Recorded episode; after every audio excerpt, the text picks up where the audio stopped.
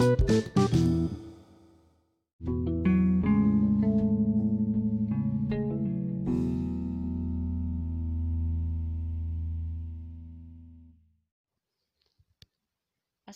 warahmatullahi wabarakatuh. Berjumpa kembali bersama Harafalin Podcast, tuan rumah Harafalin. Dan pada kesempatan kali ini, saya bersyukur sekali bisa kembali hadir di tengah ruang dengar sahabat semuanya. Manusia armadillo. Kalau sahabat mengira bahwa seluruh makhluk hidup di permukaan bumi ini punya waktu yang sama, 24 jam dalam sehari, maka perkenalkan hewan khas dari benua Amerika yang bernama armadillo. Mamalia yang sekilas mirip tikus namun memiliki perisai di tubuhnya. Dan itu panjangnya sekitar 75 cm.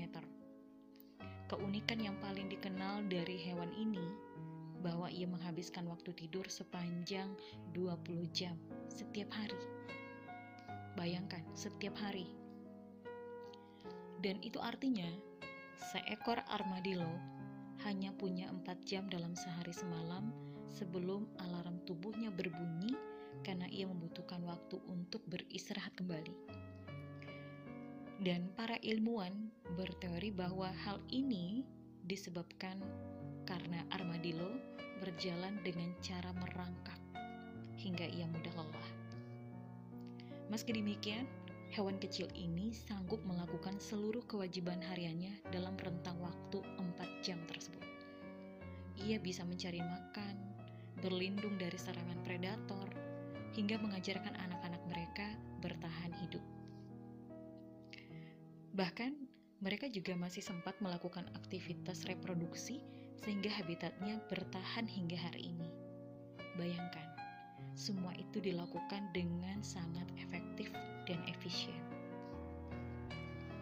Armadillo tahu bahwa waktu yang ia miliki teramat sempit. Maka ia tak pernah melewatkan kesempatan sedikit pun untuk melakukan hal yang penting bagi kelangsungan hidupnya.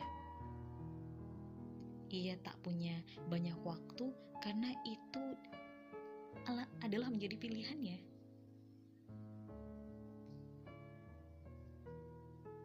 Sebaliknya, bagaimana dengan manusia?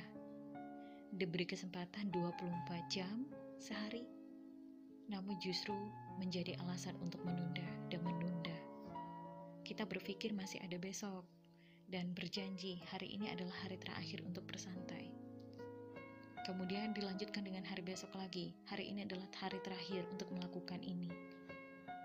Namun pada kenyataannya, kita tetap saja mengulur dan mengulur waktu hingga pekerjaan itu lama sekali akan selesainya.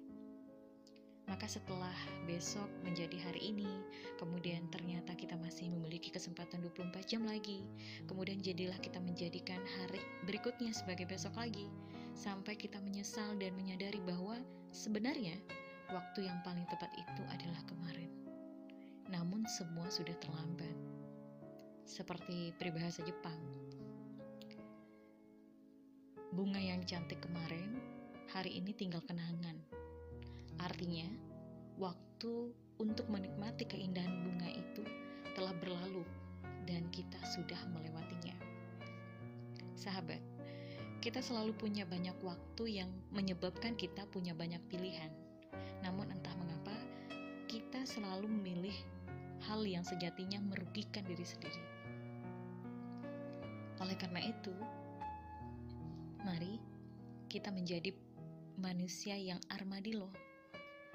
Anggaplah waktu yang kita miliki teramat sempit, maka kita tak pernah melewatkan kesempatan sedikit pun untuk melakukan hal yang penting bagi kelangsungan hidup kita.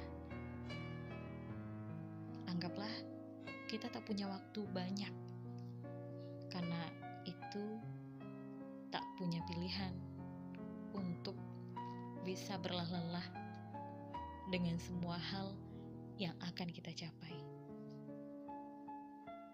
Dan pastinya, ketika kita merasa bahwa waktu kita sempit, kita akan melakukannya dengan semaksimal mungkin dan kita akan melakukannya dengan cara yang amat sangat di luar dugaan kita.